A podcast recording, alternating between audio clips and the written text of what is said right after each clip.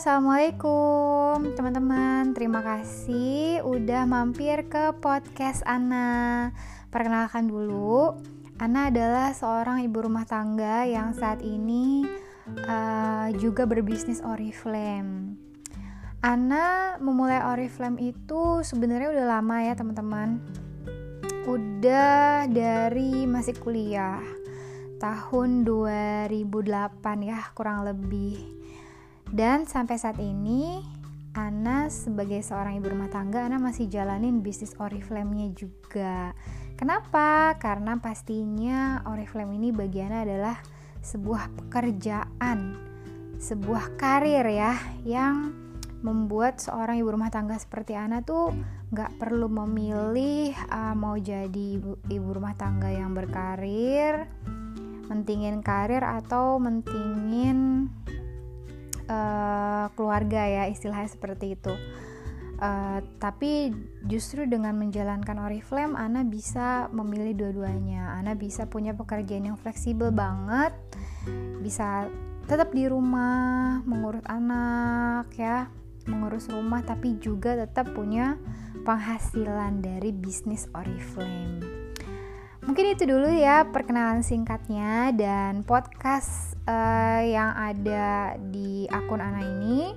Ana khususkan untuk sarana sharing ya sharing uh, bagi teman-teman yang mungkin pengen lebih mendalami ilmu Oriflame-nya ilmu bisnisnya ya. Sharing juga dari segi rumah tangga uh, sebagai pebisnis Oriflame ya yang udah berumah tangga terus mungkin ada motherhood ada parenting apa ya mungkin um, traveling hacks pokoknya ya anak akan sharing apa aja sih yang insya Allah bisa bermanfaat buat teman-teman terima kasih uh, semoga bisa memberikan manfaat. Mohon maaf ya kalau ada kekurangan. Uh, feel free untuk kasih tanggapan atau mungkin kalau ada yang mau bertanya. Oke? Okay? Thank you. Have a nice day ya semuanya. Wassalamualaikum warahmatullahi wabarakatuh.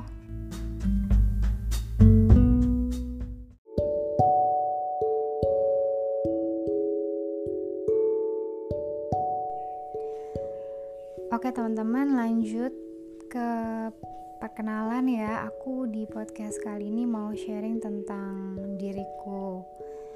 Mungkin uh, beberapa dari kalian ada yang ngerasa, oh sama tuh, oh mirip nih kita ya, gitu ya. Well, uh, aku adalah anak pertama dari tiga bersaudara, uh, lahir dari keluarga yang biasa-biasa aja. Ayahku seorang PNS.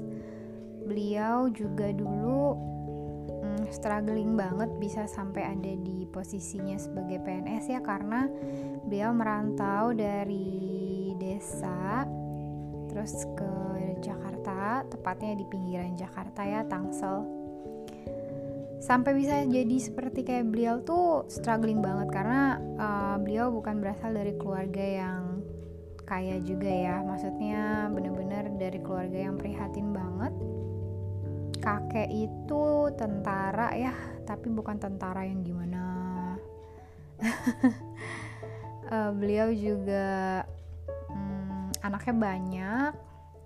Jadi bokapku anak kesekian gitu ya.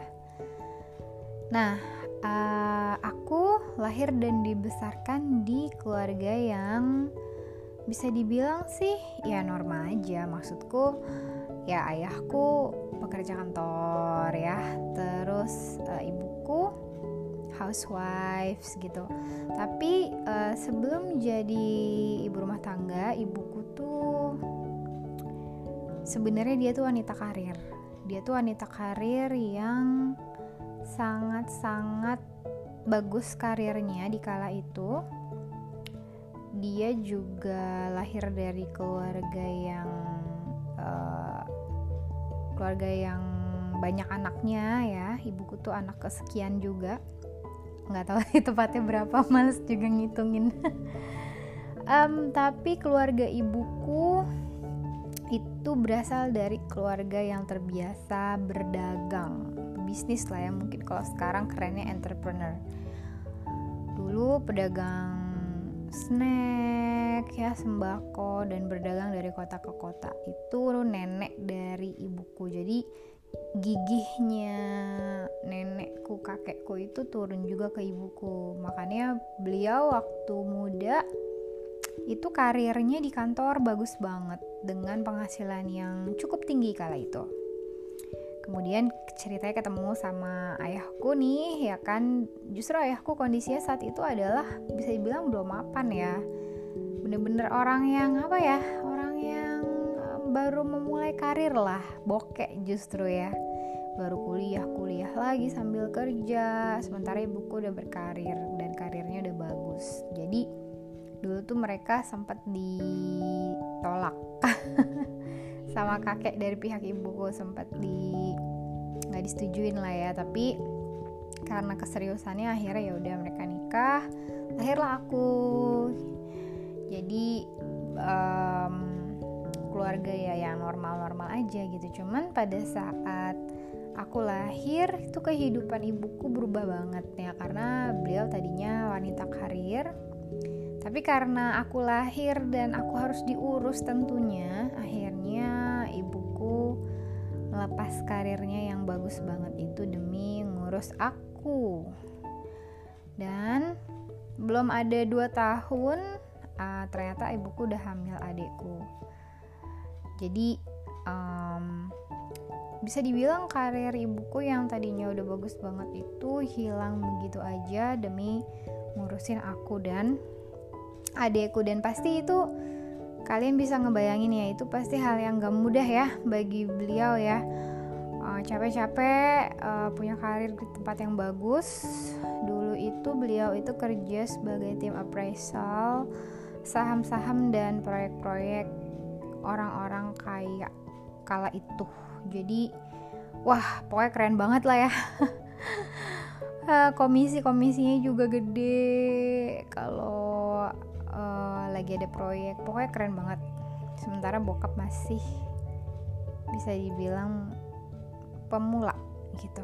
Tapi karena ya nggak ada pilihan akhirnya mengurus anak-anak yang dipilih sama ibuku gitu. Karena ibuku nggak mau anak-anaknya dipegang sama pembantu sama orang lain. Jadi beliau lebih memilih untuk ya udahlah meskipun hidup dengan kondisi yang pas-pasan banget karena gaji dari ayahku kala itu sangat kecil tapi beliau rela demi anak-anaknya uh, dipegang sendiri. Aduh kalau ceritanya kayak gini-gini tuh suka kayak terharu gitu ya. Suka uh, suka ada rasa sesek di dada gitu mungkin ada yang um, sama kisahnya.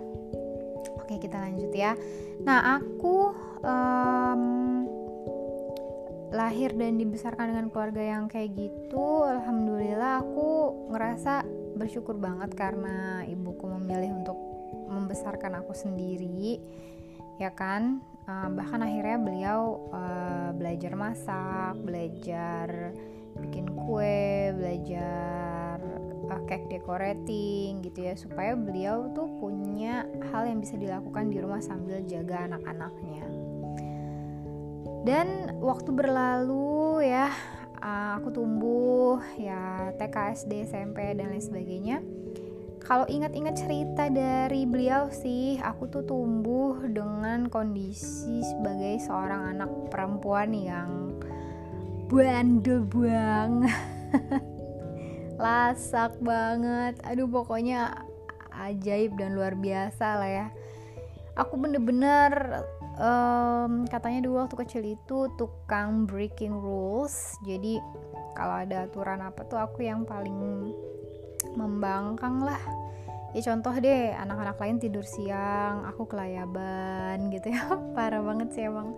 Anak-anak lain gak boleh keluar aku main prosotan di tanah merah. Jadi pulang-pulang kebayang ya itu bajunya semuanya merah semua.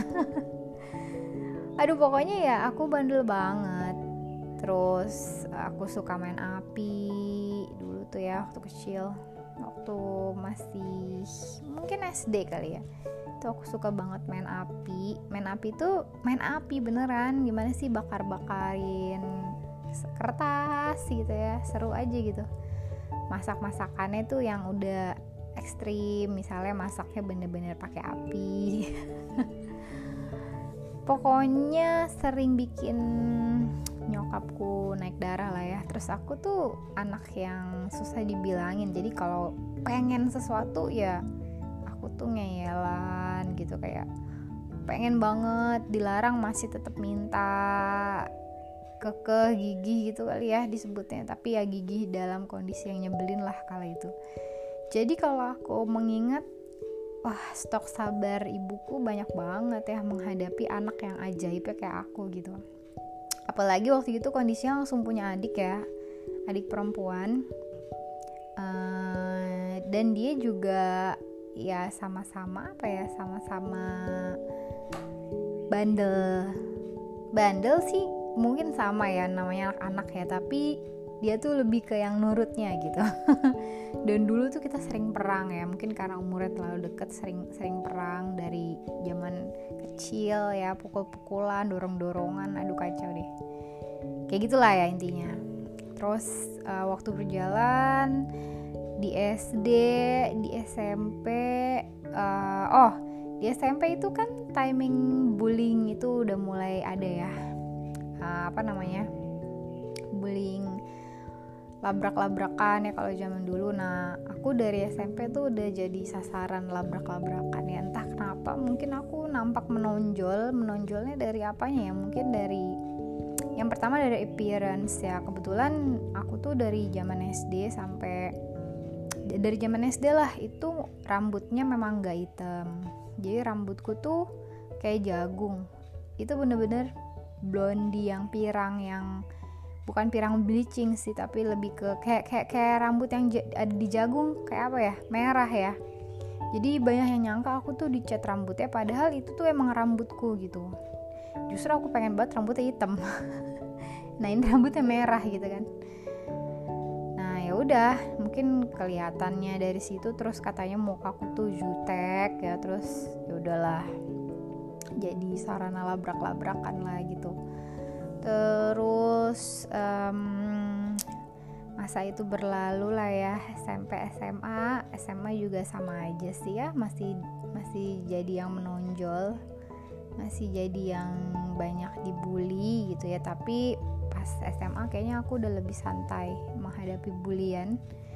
Karena juga aku atlet taekwondo ya meskipun cuma sampai sabuk biru kala itu. Tapi ya udah maksudnya nggak terlalu yang ngedown atau takut banget biasa aja. Tapi kalau secara pertemanan emang banyak kan tuh temenan sama cowok.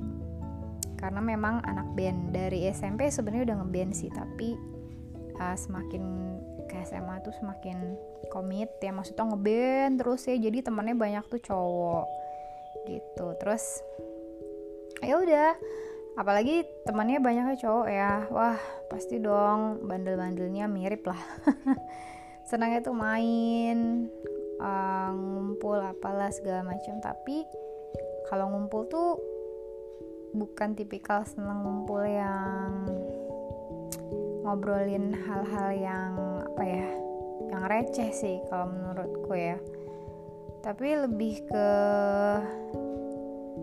senangnya tuh sesuatu yang harus menghasilkan karya. Ya kayak ngeband itu kenapa aku senang karena oke okay, kita nyanyi kita main musik gitu kan. Itu kan menghasilkan sesuatu ya ya kesenangan juga sih. Nggak cuma sekedar ngobrol. Mungkin kalau zaman SMA tuh apa ya gosip-gosipin tentang kakak kelas gitu ya atau tentang si ini tuh gini loh gitu loh aku tuh nggak tertarik gitu. Jadi banyak teman-teman cewek-cewek ya terutama yang menganggap aku tuh kalau diajak ngumpul tuh kayak apa ya kayak akunya tuh ada di situ tapi pikirannya tuh nggak ada gitu. Kayak pikirannya tuh ke mana nggak fokus aja ada di situ gitu. Karena ya itu ya ngerasanya kayak aduh ngapain sih nih? gitu. Makanya jadinya pada bete. Terus kalau lagi ngumpul-ngumpul gitu yang aku cari itu biasanya majalah kayak misalnya lagi main ke rumah teman nih yang lain ngobrol atau ngapain aku tuh nyarinya majalah. Ada majalah apa yang bisa aku baca atau dia punya komik apa. Itu yang aku lakuin atau dia punya alat musik itu yang aku mainin gitu. Ada gak sih yang kayak aku? Jadi ngerasa aneh sendiri ya. Ada ya nggak aneh kan aku kan? Nah kayak gitulah. Terus waktu berjalan terus terus terus uh, masuk kuliah aku tuh inget banget penampilan aku tuh tomboy sih memang. Aku tuh lebih cenderung nyaman untuk tampil boyish ya. Dulu aku belum berhijab. Kenapa aku lebih nyaman tampil boyish? Karena aku merasa aku lebih bebas aja gitu lebih bebas, lebih dipandang nggak centil ya. Karena dulu tuh dapat predikat centil seneng dandan itu nggak banget sih. Nggak nggak nggak bukan nggak bagus ya aku nggak suka gitu. Nah terus um, ya udah aku lebih seneng pakai sepatu cats pakai celana jeans pakai baju hitam rambutku dikuncir aja gitu. Jadi bukan yang tipikalnya mungkin pakai jepit-jepit atau pakai rok pakai dress. Nggak banget sih. Flat shoes oh it's not me at all ya. Pokoknya itu bukan banget aku lah. Tapi kocaknya pas waktu SMA aku ketua ekstrakurikuler fashion fashion show. Padahal my fashion taste itu jelek banget. Tapi katanya sih waktu itu aku dipilih karena menurut uh, kakak seniorku leadership aku bagus katanya. Padahal mungkin bukan leadership ya kala itu bisa dibilang mungkin bosi kali ya. Karena aku nyuruh-nyuruh orang untuk ayo dong ikut school ini atau influencing people. Mungkin aku dulu seperti itu. Nah terus di kampus di kampus itu kan nggak kayak sekolah ya. Kita nggak pakai seragam. Kita tuh pakai apa ya pakai baju bebas kan. Nah di saat itu aku ngerasa kayak OMG tiap hari gue harus mikirin gue harus gue harus tahu nih mau pakai baju apa gitu kan. Dan ya udah di situlah mulai kayak oke okay, such maksudnya kayak ini tuh kepusingan harian banget gak sih mikirin kayak hari ini gue mau pakai baju apa mau pakai baju apa. Sampai aku ada di titik kayak ah bodoh deh pokoknya biar nggak pusing semua baju gue hitam aja jadi my favorite color waktu itu adalah black, grey, sama green army. Tahu kan kayak baju perang gitu greennya. Nah itu my favorite color waktu itu. Ditambah sepatu tuh favoritku adalah Converse dan dulu belinya di Taman Puring. Inget banget Taman Puring guys. Tahu kan? Mungkin kalian yang senang jajan-jajan sepatu KW dengan harga yang terjangkau ya atau sepatu ori dengan uh, kualitas reject itu pasti kalian tahu tampur lah. Di situ aku beli sepatu yang Converse yang tinggi-tinggi boots. Nah itu aku suka banget berpenampilan kayak gitu rambut selalu dikuncir itu udah pasti. Jadi everyday penampilanku kayak gitu. Bahkan dulu sering pakai headbands atau gelang tangan atau sabuk. Dan sabuknya you know what guys itu sabuknya bener-bener ada spikesnya. Do you know spikes? Spikes itu apa sih? Um, apa sih sebutannya? Spikes um, duri ya? Duri duri gitu. Jadi sabuknya ada durinya teman-teman. Bener-bener kayak anak pang gitu. Aduh I still have the pictures. Dan kalau ngelihat kayak my god gue pengen deh ada apa pintu Doraemon dan masuk situ dan gue pengen ngetawain diri gue yang dulu. Karena kayak oi lo dan kayak gitu. Kocak tau. Ya tapi itulah ya. Tapi kala itu aku ngerasa kayak oh ini diriku banget keren banget gitu. Dan um, perubahan aku itu datang ketika aku kenal Oriflame.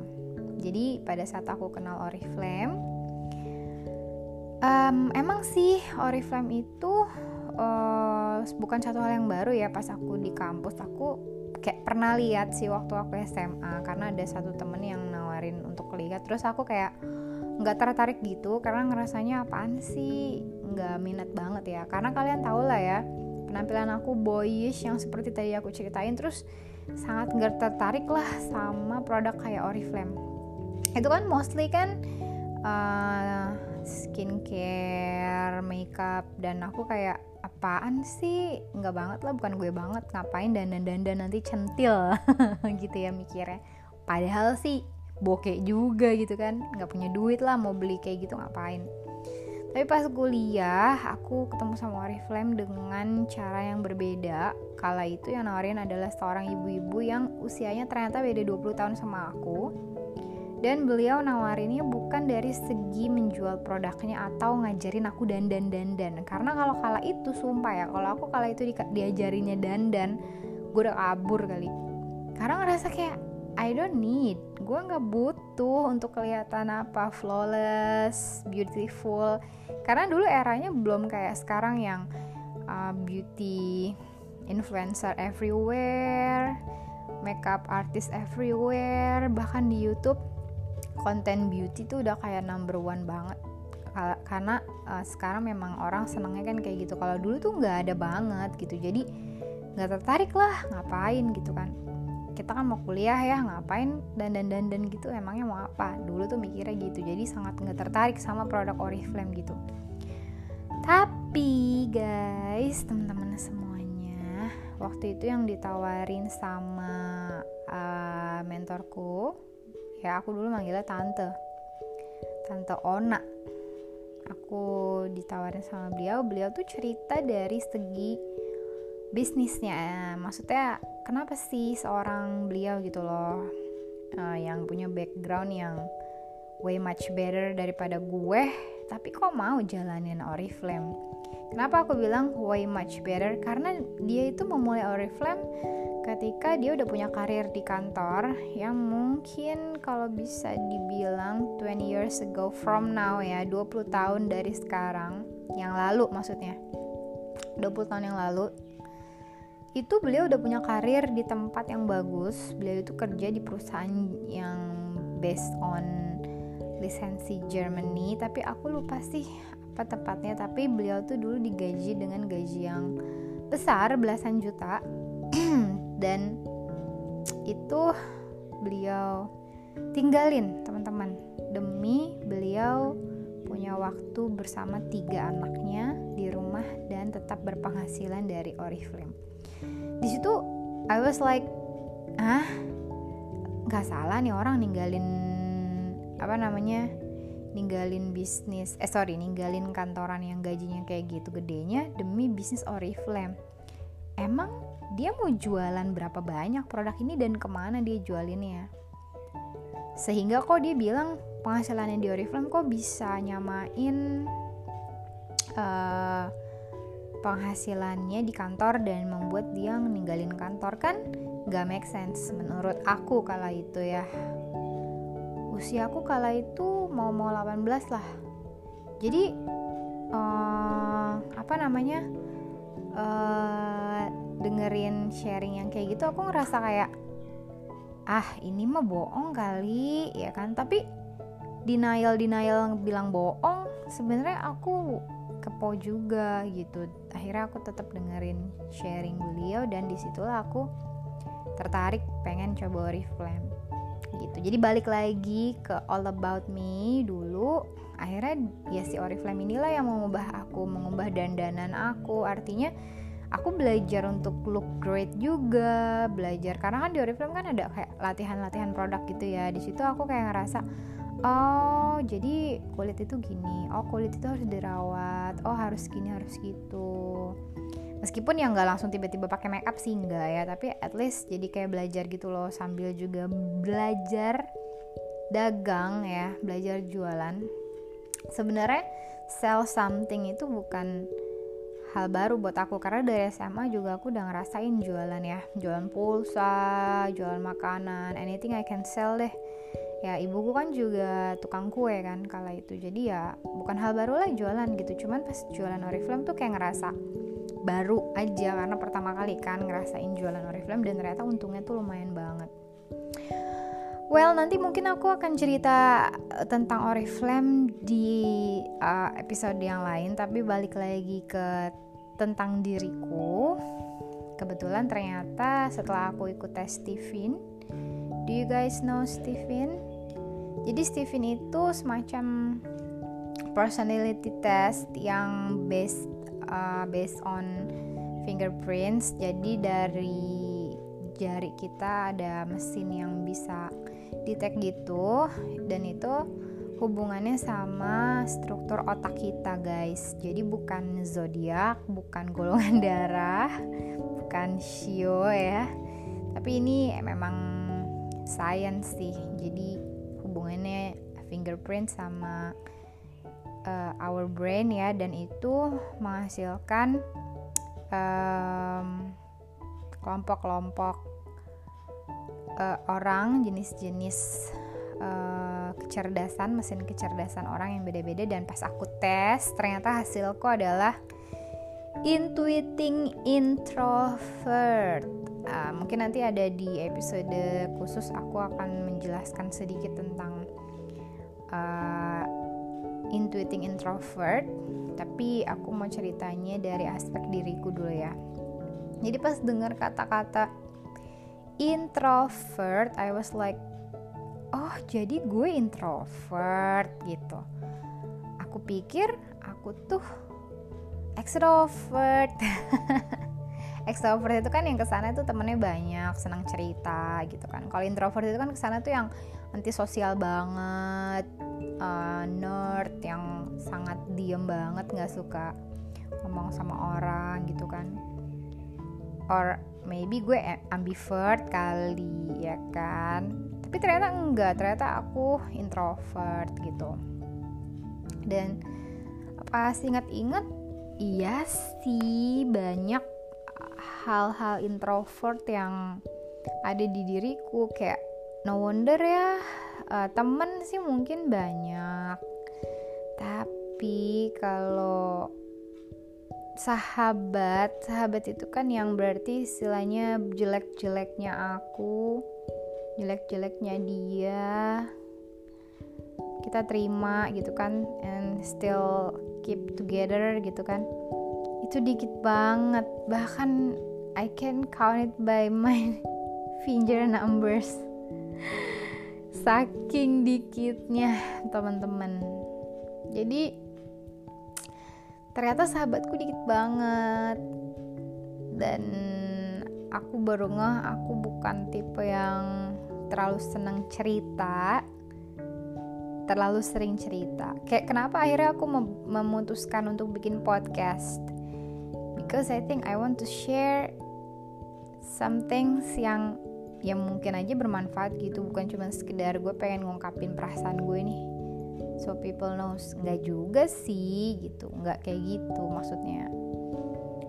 Jadi oh pantesan ya aku tuh introvert gitu. Karena aku nggak yang everyday I love to talk to people. Nggak juga ternyata. Terus waktu kecil juga pas nggak iya sih uh, meskipun aku juga senang keluar main tapi ternyata hmm, banyak hal yang aku tuh lakuin di rumah. Seneng menyendiri ya. Seneng banget menyendiri dan hmm, apa ya bisa dibilang menikmati waktu menyendiri gitu.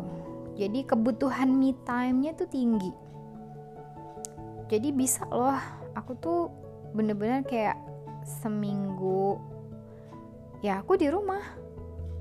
And it's fine gitu. I can I can do so many things.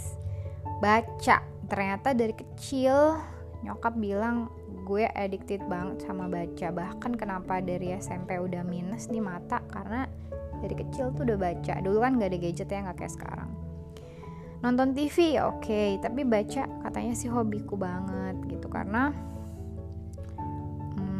lagi lampu mati pun aku maksa baca gitu ya pakai lilin senekat itu.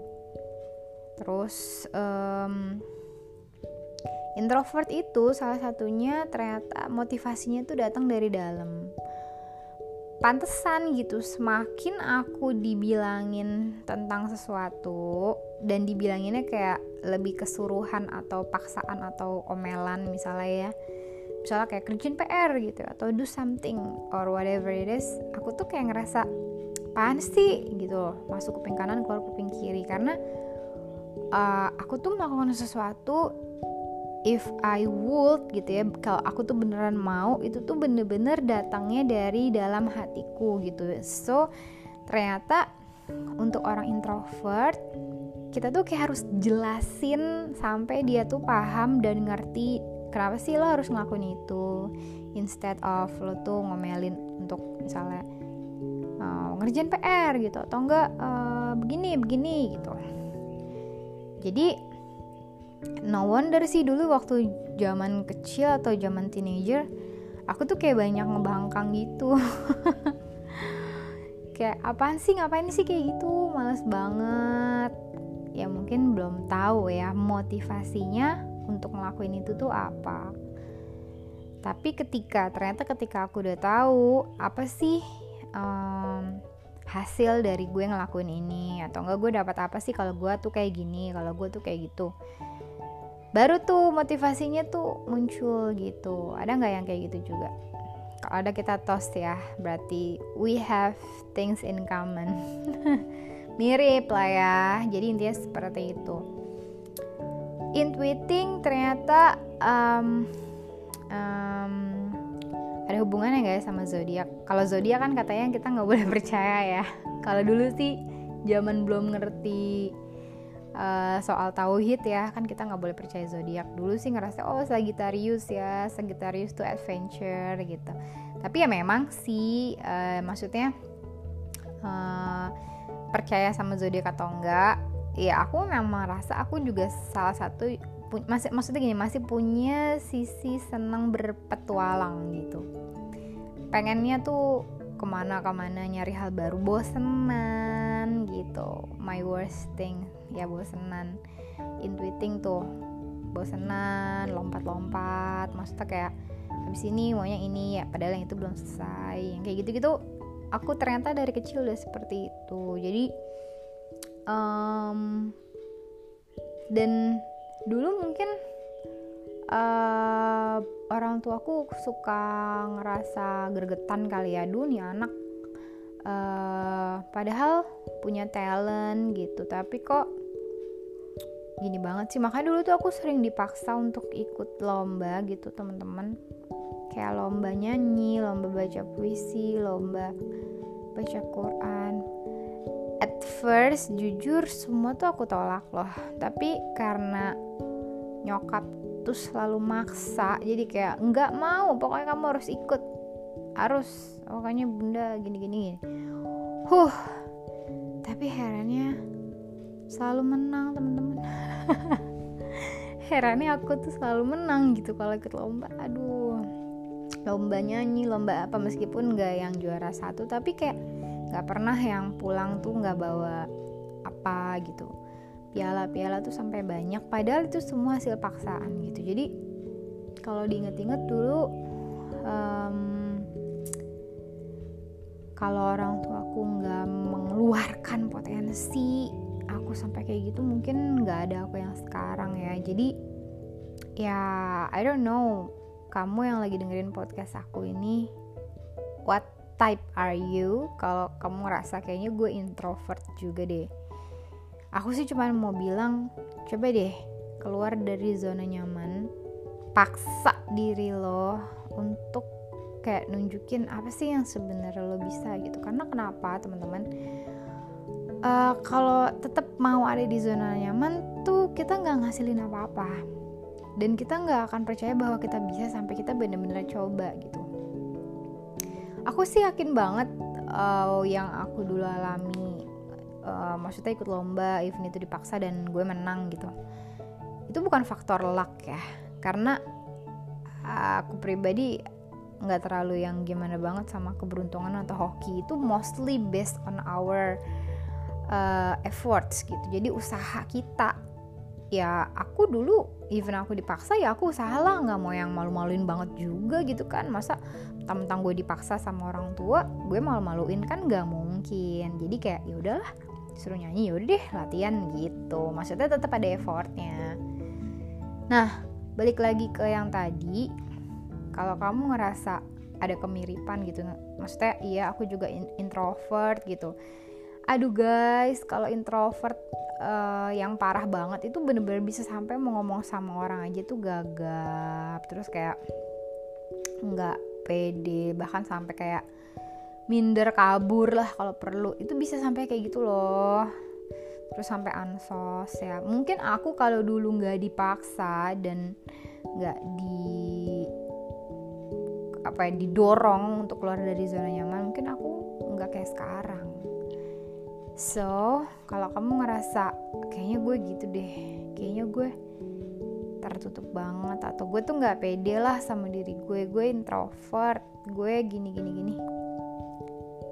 Kalian tuh masih bisa loh untuk merubah sisi introvert yang jeleknya. Supaya jadi sisi yang bagusnya gitu. Paham kan? Jadi nggak harus selalu jadi seorang introvert yang nggak bisa berkarya gitu. Introvert yang ya udah diam aja lah kalau perlu jangan dilihat sama dunia. Nggak kayak gitu.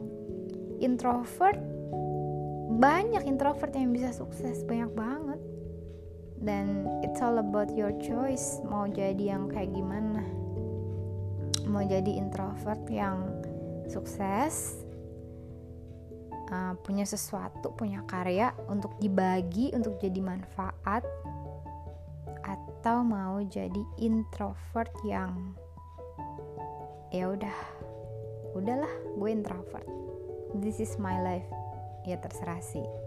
Tapi kalau aku thanks banget buat orang tuaku yang gak habis yang nge-push anaknya yang bandel ini. And thanks to myself too karena aku mau maksa diriku keluar dari zona nyaman. And here I am seorang introvert yang menurut aku ya I think it's better this way to be an introvert person. Tetap menikmati sebagai seorang introvert tetap punya me time yang tinggi tetap senang dengan kesendirian dan tetap ya seorang introvert tapi I have things that I can share to the world punya sesuatu yang yang menurut aku bermanfaat lah ya buat teman-teman semuanya. Dan ini juga podcastnya. ya aku sih berharapnya didengar terus jadi manfaat gitu. Well mungkin itu dulu kali ya almost 40 minutes. Hmm, makasih udah dengerin. Mungkin nanti next um, kita akan lanjut lagi ngobrolin tentang hobi, tentang diri sendiri, tentang macam-macam lah ya. Pokoknya banyak lah. Nanti akan dibahas. Oke, okay, nice day. Thank you for listening to my podcast, teman-teman. Maaf ya kalau ada kekurangan, kesalahan, kebelibetan pas bicara. Wassalamualaikum warahmatullahi wabarakatuh. Bye bye.